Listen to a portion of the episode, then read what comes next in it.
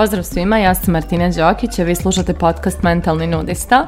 Nalazimo se u 112. epizodi i u ovoj epizodi govorit ću malo o smetnjama na razne neke načine, odnosno o tome zašto smetnje imaju prednost. Ovaj izraz smetnje imaju prednost je jedan od postulata iz jednog komunikacionog modela koji učimo na NLP-u, ali mene je to u jednom razgovoru sa dragom prijateljicom Tatjanom, koja znam da sluša ovaj podcast redovno, pa hajde da je spomenem.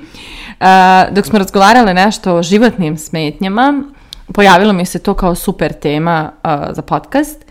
Odnosno, razgovarale smo o tome koliko ljudi e, znaju tačno šta je problem i umjesto da rješavaju tu neku situaciju, taj neki problem, koji je vrlo očigledan, vrlo jasan, ono umjesto da idu ono, direkt sridu, oni okolo naokolo rešavaju stalno posljedice tog problema, nervoze, stresove, haose i sve ostalo što taj problem izaziva, samo se ne bave tim problemom.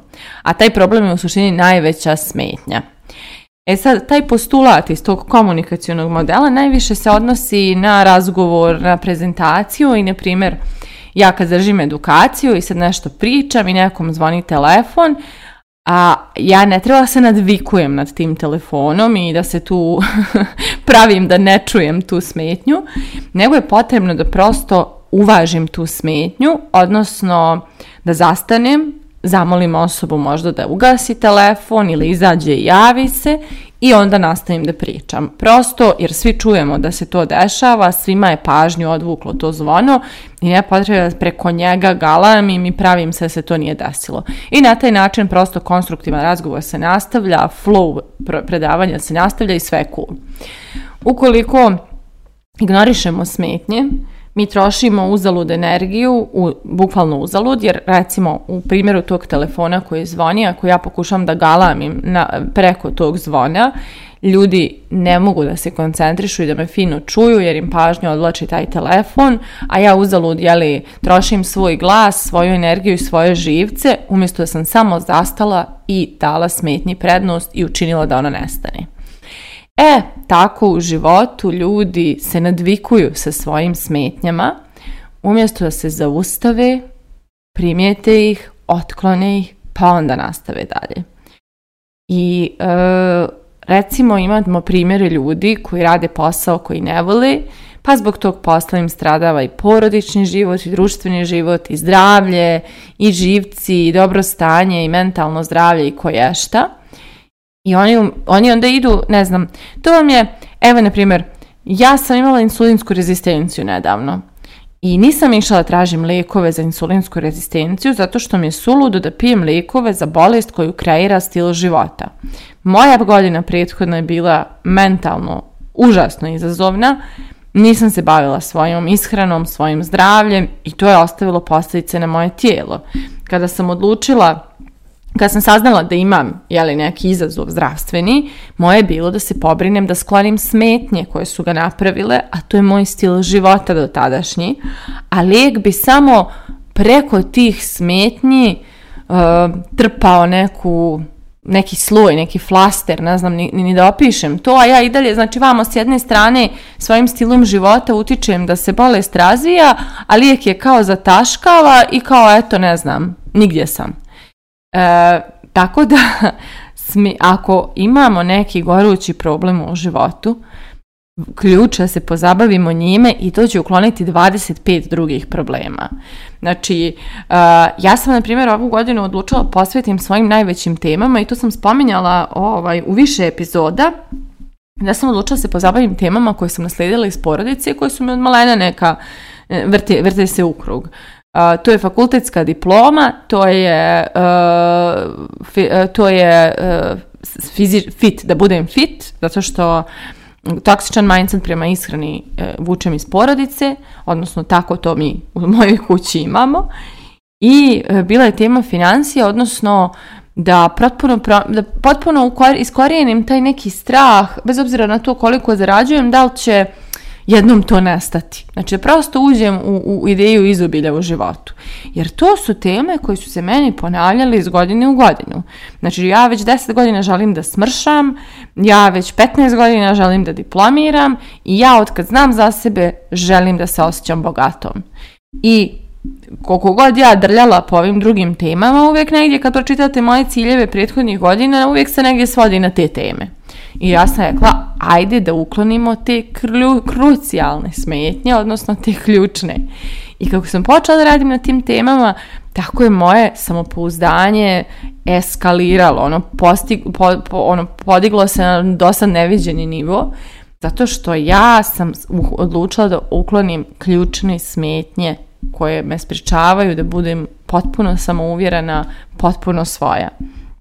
I evo desilo se to i da sam fizički doživjela kvantni skok, finansijski ja sam isto.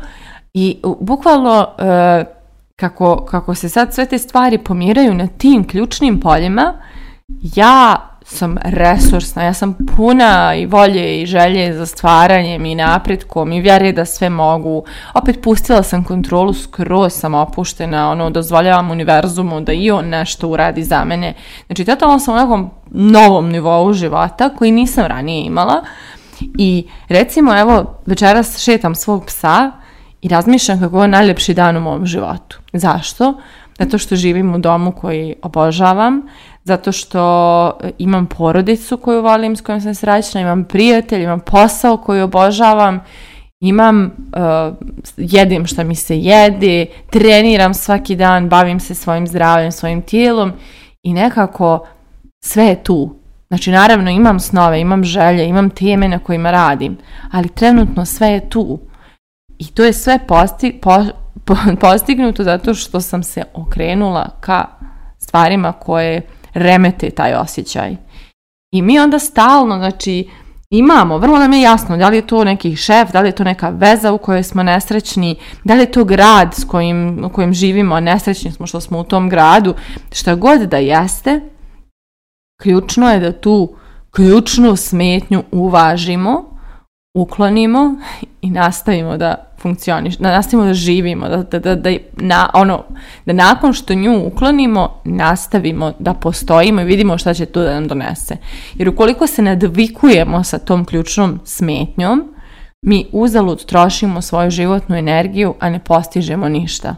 Ni u čemu ne možemo da uživamo do daske, ni u čemu ne možemo da se opustimo do daske, prosto ne možemo da budemo ni prisutni, ni ispunjeni, ni zadovoljni, jer ta neka tema se nadvila nad nama i smeta. A mi sve vrijeme krpimo posljedice te teme umjesto da drito se okrenemo ka njoj i riješimo nju. E sad naravno, nekim temama je naš mindset postavljen tako da ne može drugačije.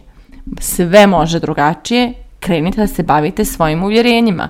Znači, ako je tema moram da se mučim da bi zaradio novac, da bi imao čega da živim, izvolite, mijenjajte mindset da shvatite da postoji opcija da možete da uživate, radite to što volite i zarađujete još više.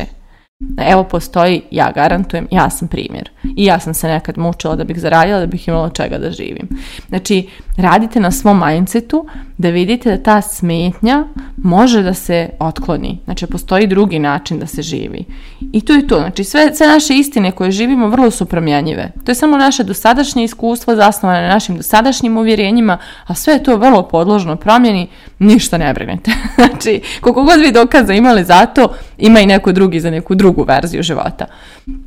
Tako da sve može da se mijenja, ali je ključ pogledati u oči ključnoj smetnji u našem životu. Dok god je ignorišemo, ne možemo živimo punoću života jer se nadvikujemo sa nečim što je preglasno u našem životu. I znam mnogo ljudi koji su nezadovoljni raznim aspektima svog života i oni, oni to krpe ili kompenzuju ili, ili piju ili puše ili se kurvaju ili, ili prekomjerno rade ili, ili piju lijekove da, da umire glavobolje ili aritmije ili šta visoke pritiske, a sve je to posljedica toga što smo život e, uložili u neku smetnju umjesto što smo nju otklonili i učinili da se osjećamo slobodno od nje. Ja sam toliko postala e, striktna sa tim smetnjama da ih sada primjećujem na sitnicama, lupam.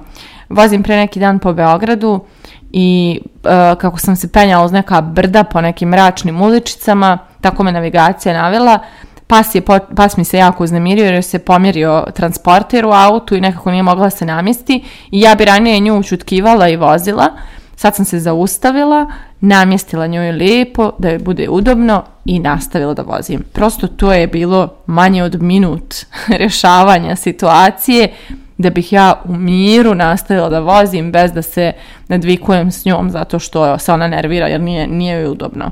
Um, kupila sam nove patike, i danas sam ih obula i ovaj, e, imala sam e, čarape plitke, jedna mi se čarapa onako zasukala u patici ali i počela patika da me žulja, ali nazvao me u trenutku dostavljač koji treba nešto mi dostavi ovaj, iz brze pošte i čeka me pred zgradom, a ja u prodavnici.